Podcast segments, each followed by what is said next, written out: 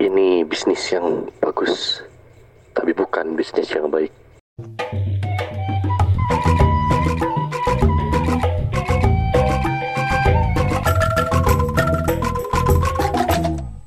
Ya kembali lagi di podcast Barudak Kali ini gua kembali lagi nggak sendiri.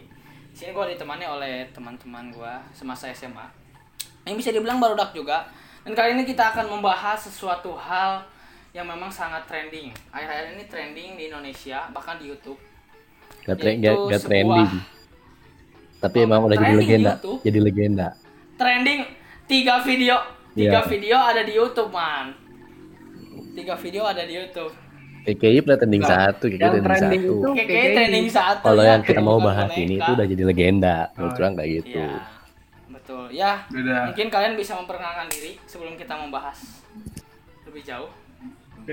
Jadi ya sebelumnya perkenalkan, Ya di sini, nama gue Arsi ya, Hudaya. oke lah. Gua di sini, di sini ada Ricky Sekolah. Ardian dan sekarang Ilham oh, udah nggak usah perkenalan. Nah. Sekarang kita Ya, mau.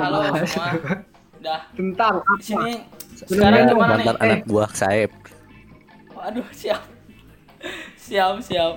Jadi sekarang kita mau ngebahas apa yang sedang trending di bulan puasa kemarin, yang Preman sama orang-orang tuh dirindukan karena katanya Satu ngegantung, produksi, satu ya kan? produksi lah. Satu produksi. Itu Satu adalah- ANP. ANP, ANP. satu Ya, produksi. si iya. ANP ini Ya selain betul, bikin tukang ojek pengkolan. apa preman pensiun juga beliau tuh bikin bajai bajuri itu yang Ya, namanya bajai Bajai bajuri Bajuri. sama Hmm. dulu ada yang Eza Yang sama si Tora Sudiro tuh main berdua apa saya lupa Saya namanya yang Tora Studiro. Ah, itu namanya Mas Bro Kang Bro kalau di talk apa tapi ada acaranya dulu Oh. zaman dulu ada Itu mah yang beruang nggak akan ngomong ini. bukan pak itu Craig Bukan, Pak, itu Craig. Pak. Oh. Itu penuntun. Itu rekamannya ya. Ya, jadi ini sebuah salah satu serial kan, yaitu Preman Pensiun, yang pasti seluruh Indonesia tahu lah. Dan menurut kalian gitu, yang membuat emang si Preman Pensiun sampai trending ya, kita li- lihat dulu dari trendingnya lah. Sebelum kita nanti membahas, eh, kita akan bernostalgia sedikit mengenai Preman Pensiun. Menurut- kita membahas yang akhir ini kan. Menurut, menurut kalian gimana nih? Kenapa sih apa yang membuat Preman Pensiun tuh sampai membuat daya tarik masyarakat tuh besar? ya menurut kemarin. menurut mah ya yang pertama karena kotanya jarang gitu ada suatu serial TV yang menceritakan kisah kisah di sebuah kota yang memang jarang dari film nih misalnya kayak TOP di Jakarta, Bajai Bajuri di Jakarta, Hmm, terus kebanyakan sitkom atau FTV atau cerita-cerita lain itu pasti berada di kota di kotanya kota Komplek Jakarta. Pengabdi Istri, iya. Eh, ini di kota Bandung yang memang sering disebut, cuman jarang ada yang tahu gitu. Dan menurut yang orang tahu tuh semenjak preman preman, preman pensiun satu itu banyak wisatawan yang datang ke Bandung karena lihat pertumbuhan Bandung tuh kayak gimana gara-gara nonton preman pensiun. Terus Oh, keduanya juga iya, iya, iya. ini tuh bukan sinetron religi, cuman banyak pesan yang tersirat dalam film Nah. dalam Hmm. serial ini dari satu sampai ke empatnya. Hmm, benar-benar. Kamu kan kayak gitu. Kayak kalau kata gue kayak gitu. Kalau menurut kalian gimana nih?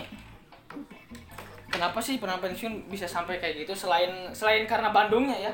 Karena mungkin Bandung jarang ya di sitkom-sitkom yang lain atau nggak sinetron-sinetron yang lain kan Ya. biasanya menunjukkan Jakarta. Sebenarnya kan Bandung. jawabannya gampang. Karena preman pensiun itu keren. Udah titik. Keren. Itu. Iya. Tapi kalau dibandingin keren juga Cintra Fitri menurut banyak orang keren. Keren. Tapi tapi Enggak kalau kan sok tapi Tersanjung keren. kalau Eh. kalau gua sih sama kayak yang Yuman sebutin. Preman pensiun tuh banyak dakwahnya sebenarnya, tapi tanpa mengasih tempat untuk dakwah, tapi dia tuh sudah menyampaikan gitu. Hmm. Apalagi Jadi ada kemarin gua lihat ya. Insta story-nya si siapa Aris Nugraha ya. Ya, saudara. Saudaranya. kan ada yang nanya tuh. Kok nggak pernah dimasukin dakwah padahal lagi bulan puasa? Terus dia balas. Setiap hari, setiap episode juga udah ada dakwahnya, kamu aja nggak fokus katanya. Iya. Nah, setelah ba- Memang banyak banget pesan positifnya di Preman Pensiun tuh. tanpa emang tanpa masukin juga tanpa masukin sih. scene kayak di kayak kayak sinetron lain yang masukin tentang religi juga. Iya, pensiun Mana bener. Walia. Eh jangan sebut merek. Aku Oh bukan iya, ustad. lupa, lupa. ya kan itu kan emang ya maksudnya kelihatan maksudnya religinya ada Religi, gitu. cuman Kalau Kalau pensiun kan enggak. pensiun itu bener-bener kayak ada ikatan bukan ikatan apa ya? Hmm. Keren aja gitu Iya, iya. dalam satu scene tuh ada komedinya ada terus kadang-kadang tegang juga kita kan misalnya Hmm. kayak ada masalah gitu di suatu scene itu itu memang racikannya itu udah kan. pas gitu benar benar benar tapi yang emang paling kalau kata gue ya yang banyak orang juga nonton tuh karena emang premannya sih sisi premannya yang Hmm. emang adegan ada Hmm. adegan pukulnya kan. Gini, Nah, gini. itu. Itu tuh yang paling kalau menurut orangnya kenapa kenapa kayak gitu? Soalnya yang stigma masyarakat dalam preman itu kayak mereka itu kriminal. Nggak nggak punya kehidupan Nah, lain di sisi sebagai kekerasan atau sebagai ah, preman gitu kan. Benar kayak ternyata di stigma itu dipatahin gitu sama si Aris Nugraha ini sebagai sutradara penulis apa skrip gitu kan. Nah iya iya iya dia dia melihat sisi lain preman-preman ini Dari gitu. preman, ya. Eh, kayak seorang almarhum Kang Bahar yang sudah Ya. menang di sana menjadi legenda almarhum. Fatihah untuk Didi Petet gila keren bisa. Si Didi Petet itu digambarkan si Kang Bahar digambarkan sebagai preman yang ditakuti masyarakat gitu ya takut sama anak buahnya tapi dia cinta keluarga gitu family man pisan gitu. Kayak Don Corleone lah Don Vito Corleone kalau di Godfather tuh kayak gitu tuh. Hmm, bahkan orang pernah baca artikel gitu tentang The Godfather judulnya itu namanya eh, cerita agung para debah gitu keren itu asli. Mirip-mirip sistemnya mirip-mirip The Godfather lah kalau kata orang si Kang Bahar ini Vito Corleone Preman pensiun. si Kang Bus ini anaknya gitu kalau di Godfather itu Michael, Michael Corleone gitu yang siap untuk ngurusin bisnis bapaknya Cuman cuman iya benar sih kata Yuman yang katanya mirip Don Corleone cuman ini sisi Indonesianya ya kan. Kita kan memang menyukai hal-hal yang lokal. Bahkan Hmm. bahkan dari apa ya contohnya? Dari Hok yang trending nomor satu sekarang KKI lokal kan itu Kenapa jadi kayak kayak iya. lokal kan Ya Lokal udah. berarti ya. Mengalahkan Korea-Korea ya. Karena sekarang Korea tuh trending tuh. Iya. Kayak kayak itu KKI, mengalahkan. ah, udah. Jadi gagal sama Blackpink tuh Ya, sempat tinggalan kok Iya lokal memang sih itu pengaruh juga karena lokal. Iya. Cuma terus ada karena ya premannya juga sih yang menurut gue yang kuat tuh karena belum ada gitu sinetron yang memang berbau preman tapi dengan nuansanya kayak gitu. Hmm. Rata-rata kan kalau sinetron yang ada di Indonesia tuh biasanya udah ada tempatnya nih. Kayak Bajai Bajuri lah kita anggap kan di situ-situ aja kan. oh iya iya studio Kalau soalnya. preman pensiun tuh studio itu Nah, gitu. preman pensiun itu menunjukkan sisi Bandungnya emang semua dari ujung ke ujung. nah itu nanti orang pengen bahas tuh di kita nostalgia itu gak semuanya gitu nanti Tapi nanti itu gue ngerasa emang suara ah, bukan suara musik tuh penting banget karena memang nuansanya jadi Ciri kerasa soundtrack ciri khas. ding ding ding ding ding justru iya justru gue apa tuh namanya applause sama yang apa eh, pengatur yang mengaransemennya ya terus yang mengatur lagunya musik-musiknya itu Ya, ya. wah top banget itu nuansanya langsung apalagi dari cara ngomong yang Sunda banget Hmm. Ya, ya kan drama Bandung. Ah, Dari ceritanya Bandung nggak bagus. pernah, udah lama banget tuh nggak pernah ada di ya sinetron kan. terus nggak ada editan-editan yang tidak berkualitas ya Nah, kan kayak apa Bahkan sih yang menurut orang edit edit editing yang editingnya tuh berkualitas bisa sih kayak orang ngobrol misalnya Kang- adegan CIC sama Kang Mus tuh bisa nyambung adegan Kang Bahar sama Kinanti Ah, bisa nyambung Ah, ke Komar sama Iya, Joni ngobrol jadi scene-nya itu beda tapi dialognya sama ya. Mm-mm. Nah, itu tuh keren. Nah. dia pindah frame Itu bagus menjadi ciri khas sih. dan itu teh dan ciri ciri khas dan ciri khas itu teh lanjut ke film ke film layar lebarnya Pre- Preman Pensiun tuh sama ada yang karya satu lagi ANP itu The Bu- The Bike Boys tuh nggak? Oh iya, The Bike Boys. itu juga iya. sama Itu hampir sama pernah gitu gitu. Oh, itu ngobrol. Aris Emang Nugraha ciri, juga, Mak? ciri ciri khasnya Aris Nugraha itu itu buat- dia ngambil ceritanya Hmm. tentang masyarakat Ma- maaf ya masyarakat yang kita, kita kurang lihat gitu kayak tuh supir bajai itu preman geng motor Vespa gitu dia gitu. angkat itu kriminalitas lah keren itu dekat dengan kriminalitas Dan memang Perang Pensiun tuh menjadi salah satu movie pertamanya dia juga kan ya. Wah tapi movie pertama Wah. bagus banget Nah ini nih kan sekarang udah muncul juga nih yaitu Preman Pensiun 4 kan yang kemarin pas puasa. Hmm. Sebelum kita membahas Preman Pensiun 1 mungkin kita akan bernostalgia dikit mengenai Preman Pensiun Preman Pensiun sebelumnya itu yang ke 1, 2, 3 dan mungkin movie ya. Ini bagaimana nih yang dari yang ke 1 gitu yang yang lo lihat gitu seluruh alur cerita itu seperti apa gitu dan sisi pandangan lo ya kan sementara kalau Preman Pensiun pertama tuh kita baru lihat karena awal gitu. Ini sinetron apa nih? Dan pandangan pertama lo ketika melihat sinetron Preman Pensiun tuh gimana sih? Yang pertama ya. Kalau pandangan gua awalnya kan itu mun- munculnya waktu SMP kan 2012 2013an ya. Hmm. SMP kelas 3 itu, Itu- SMP iya, kelas itu- 3 Pak. itu kelas 3 emang- SMA udah SMA kesannya Kelas gila tiga sih maksudnya oh Indonesia bisa bikin film Hmm. yang ini lokal banget gitu ngelihatnya tuh terus cerita yang kayak gitu apalagi ada aktor senior Didi Petet begitu almarhum ya kan yang Ya, wow sudah big kenal di sana. banget Godfather ini. Tempat big, big respect. Gila ya. Respect pisan. Hmm, iya kan? Kalau nggak ada pernah pensiun nggak bakal respect ini dah. iya iya Pasti. bayangin ini franchise berapa tahun ini 8 tahun Oh iya bener ya kalau didengar.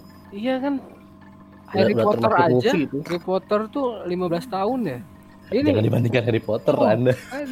Harry Potter udah lah Indonesia kalau bandingnya sama India, Bangkok baru. kalau anda tidak apa tidak Muhasabah diri Anda. ya eh kesukaan gue terhadap preman pensiun sama Harry Potter tuh sama Harry Potter. Oh, Wah, iya, karena karena gue menyandingkan bahwa wow memang preman pensiun ini dunia enggak. banget. Editannya juga nggak terlalu menipu mata kalau pernah pensiun mah real kalau Harry Potter menipu Ih, mata Menipu mata. iya menipu mata tidak ada gedung-gedung seperti itu tidak ada yang Tidak ada ngapung, nggak ada ngapung ya. pakai sapu tidak ada. nggak tidak ada pernah pensiun memukul Iya. ada mukul asli ada ada Nggak benarnya ada penjahat hidungnya kayak gini nggak ada. Nah, emang ah, ya, ada Ada, ada. benarnya cuma banyak Eh. kalahnya di mana di perbandingannya pak harusnya Oh, iya. kita nggak ngebandingin aja. Salah Anda dibandingin. cinta gitu. tanah air cinta film tanah air eh gimana nih dan cerita cerita pernah pensiun itu gimana sih Yang ke satu mah simple sih ceritanya menurut orang ringan banget gitu kayak di episode Berapa kilo? pertama itu dibuka dibuka dengan adegan Komar ngamuk di pasar bawa bawa golok. Coba inget ingat. oh iya episode satu ya Bawa golok dia. Iya, iya, gua ingat. itu pembukaannya gitu. Itu udah serem banget sih preman pisan gitu kayak anjir bawa golok di tengah pasar gitu nagih nagih uang iuran ke, ke pedagang gitu. Ternyata langsung Komar. Dan itu udah suara wah ini atasannya nih. Ternyata itu MP Gila, Kusnandar. dan disangka gua kan maksudnya atasannya tuh bakal lebih gede atau Wah apa ngeri gitu. oh, ngeri. oh ngeri eh ternyata Kang Bos Mus yang besar. lebih kecil dari Komar Bos besar namun besar kecil, namun kecil badannya. Tapi Langsung dijenggut pak dibawa ya. Iya. Itu dan saya kira nggak ada bos, Komar yang ada asalnya yang asalnya sangar dan nggak nggak ada bosnya lagi ternyata ada dan itu ringan banget sih. Oh ini sistem preman tuh kayak gini gitu. Iya. MLM ke atas lagi ke atas lagi ke atas lagi Terus satu, satu sisi juga diceritain tentang copet Go. Bandung gitu itu keren juga sih copet sisi copet Bandungnya udah keren sekali. Hmm. Ceritain bagaimana Jadi pemanis juga ya mana? Cerita ada copetnya juga. Jadi nggak nggak serta merta kita ngelihat premannya juga. apalagi udah berkembang tuh dari episode- season 1, season 2, season 3, season 4 kejahatannya tuh makin nambah ya copet ya apa ya apa nanti kita bahas lah. Hmm, Iya. Nah, Cuman cuman iya sih, tapi kan ini kan preman kan ya. Nggak akan mungkin ada kasus pencurian motor. Walaupun mau mau dicoba eh, kelihatannya pencurian motor bagus nih, kelihatannya enggak deh. Belum Soalnya mungkin di, kejahatannya di preman pensiun 4 part 2 mungkin ada begal, curi motor. Iya, awal mu- munculnya Pipit Murad deh. hmm. Oh, Iya ya itu ikonik bisa kan yang yang yang season 2 nya itu Hmm. yang pernah pensiun 2 Cuman kalau bahas preman pesan satu itu jangan pas dari eh, suksesnya si Jamal jadi penjahat. Hmm. Itu mana harus villain Iya, lah kalau kalau pernah pensiun satu emang emang apa sih perihal jadi si dendam si Jamal tuh Kang. Bahar kan keluar kan Kak- Kang Bahar juga keluar kan nah di season satu udah udah ingin keluar kan Ya di season sebenarnya gitu. enggak di season satu itu si Kang Bahar itu sebenarnya awalnya belum mau keluar tapi udah lemah gara-gara si si Ece-nya itu si Istrinya. sakit. ah iya iya Hmm. Pas sudah meninggal dia mulai sadar bahwa dia tuh sadarnya gini. Ini quotes yang keren. Jadi istrinya tuh nunggu dia di surga tapi seorang Kang Bahar yang berbuat selalu sering berbuat baik merasa tidak cukup. oh iya iya Itu Oh iya iya. itu pesan pesan keren sih pesan keren gitu kan sebelum istrinya meninggal ya? Ya sebelum bisa meninggal tuh wasiatnya itu coba jadi orang baik. Nggak orang baik lah nabung buat ke surga bisa ketemu lagi. Mungkin Kang Bahar jadi berniatkan diri untuk keluar dari bisnis itu kan? Sebenarnya kan itu? tapi baik atau buruknya kan tergantung sudut pandang di mana kamu memihak, ya nggak sih? Tapi menurut Kang Bahar Ya, kan dia memang banyak banyak orang yang anggap dia orang baik kayak pedagang kaki lima pasar sama terminal itu menganggap dia orang baik karena bisnis lah semua Iya, orang kalau kata kata Kang Bahar itu ada Bisnis yang ke semua orang. kan. Hmm. Iya iya. iya. Bisnis yang meskipun sering ja- nyari bunga lah, tanaman kan. ya Nah, eh, makanya hmm, pedagang bunga gitu kan bisnisnya emang, Kang emang, baik. emang bisnisnya tuh menguntungkan bagus semua kan, orang. Tapi emang yang paling berkesan tuh season 1 season 2 sih. Iya, iya, yang iya. epic tuh yang yang kata gue udah wah ini kalau nggak apa tuh namanya nggak lanjut tuh nggak apa-apa. Itu waktu Kang Bahar nurunin tahtanya sebagai istilahnya raja kepada. Wah, sebagai pangeran. Ya iya iya iya. Sebagai Itu- bosnya jadi ganti menggantikan Kang Bahar menjadi bos besar. Nah itu, Itu- gue kalau nggak lanjut pun nggak apa-apa gitu. Tapi ternyata oh ya alhamdulillah eh dilanjut lagi eh gitu. Asli kan itu eh, adegan itu di Kiara Condong. Kalau nggak salah kan Kiara Condong. Yang mar- markas besar ya? Markas besar. Iya iya. Dan- kalian tuh lupa sebenarnya ada satu scene yang memang keren pisan gitu di, di episode 2 kalau nggak salah. Kau Maman Suherman almarhum juga preman iya, juga. nah itu ya, Dia ya. kan mukul- yang mukul pegang istrinya. kan asalnya mukul istrinya kan gara-gara istrinya makan bakso sama laki-laki yang ternyata teman SMA-nya Hmm. dipukul istrinya ngadu Kang Maman dipukul tulang rusuknya tiga patah nah Siapa? di sini ada Kang Maman Suhermannya sama Mang Suherman Oh nah iya di iya. sini tuh ada quotes yang banget ada quotes Hmm. banget gitu kayak perempuan itu diciptain dari tulang rusuk bukan di kepala untuk jadi bosnya bukan di kaki untuk jadi alasnya tapi di tulang rusuknya untuk dijaga nah itu bener-bener kayak itu udah muncul quotes-quotes awal kan nah itu preman gitu ngomong kayak gitu preman gitu kan. Stigma masyarakat ke preman kayak gimana? Ternyata di wah diputer balikin sama Anis Nugraha gitu. Hmm. mereka ini ada sisi baiknya gitu. Nah itu berarti intinya jangan macam-macam sama istri preman ya. Nah, memang akhirnya setelah Kang Bahar memutuskan untuk keluar akhirnya Jamal tuh ingin mengkudeta atau gimana ya kan? Si Jamal itu sebenarnya kan awalnya itu anak buah dia itu gantiin Imron yang sakit paru-paru terus meninggal di terminal. Diceritain sama Jamal sama ada salah satu dialog nyeritain si Jamal gitu. Terus dia tuh merasa jadi orang paling hebat di kota Bandung. Ribut di Dago tuh. Ternyata diciduk polisi Kang Bahar sama Kang Mus nggak mau ya? bantu. Eh, nggak mau oh bantu dia. Nah, nah, nah. karena nggak mau bantu itu dia dendam. Cuman caranya dendam itu dia masuk lagi ke bisnis yang lama megang jalanan. Merekrut Murad sama Pipit yang julukannya adalah robot paling berbahaya di kota Bandung itu itu Agak Iya, gua satu gua. paket. Gimana ki? Gimana ki? Gua penasaran kenapa nih eh, di di circle-nya si Kang Bahar Kang Mus ini nih kenapa nggak mau Ya. nggak nggak nggak mau nolongin temennya yang masuk penjara kayak itu tuh? Bagus si tuh. Jamal sama si Bubun tuh Bubun. Oh iya, iya. ada dialog ada oh dialognya ya nanti soalnya. itu yang bubun nanti. Ada Itu gimana dialognya itu. Ya. si Kang Bahar tuh bilang kalau kita ini bisnis kita ini ker- bisnis itu buat bisnis aja buat cari uang bukan untuk bukan, bukan untuk jadi orang jagoan bukan untuk ngejago lah Mm-mm. Hmm. dia malah dia malah malu gitu bukannya malah seneng ngelihat kayak gitu soalnya si Jamal waktu ribut juga jual Kang Bahar nama Kang Bahar kalau nggak salah. Jadi dia malu gitu. Dia nggak dia ngerasa nggak bisa didik anak buahnya. Waktu ada dia, dialognya kayak gitu sih. Cuma kan Dialog. akhirnya orang ingat dialog itu tuh ada, ada di scene waktu Kang Jamal eh Kang Jamal Kang Mus nyeritain ke Kang Omar di mata siang tukang ngopi itu nih tau nggak yang hmm, Ah, mobil iya, tahu, tahu, itu diceritain Ya, di situ. itu mobil rongsok ah. ya, makanya si Jamal dendam itu pengen ngajarin Kang Bahar sama Kang Mus tentang setia kawan. Oh. Itu ha- paham pisan Oh, gila anjay. gila pakar mana mah pakar ini.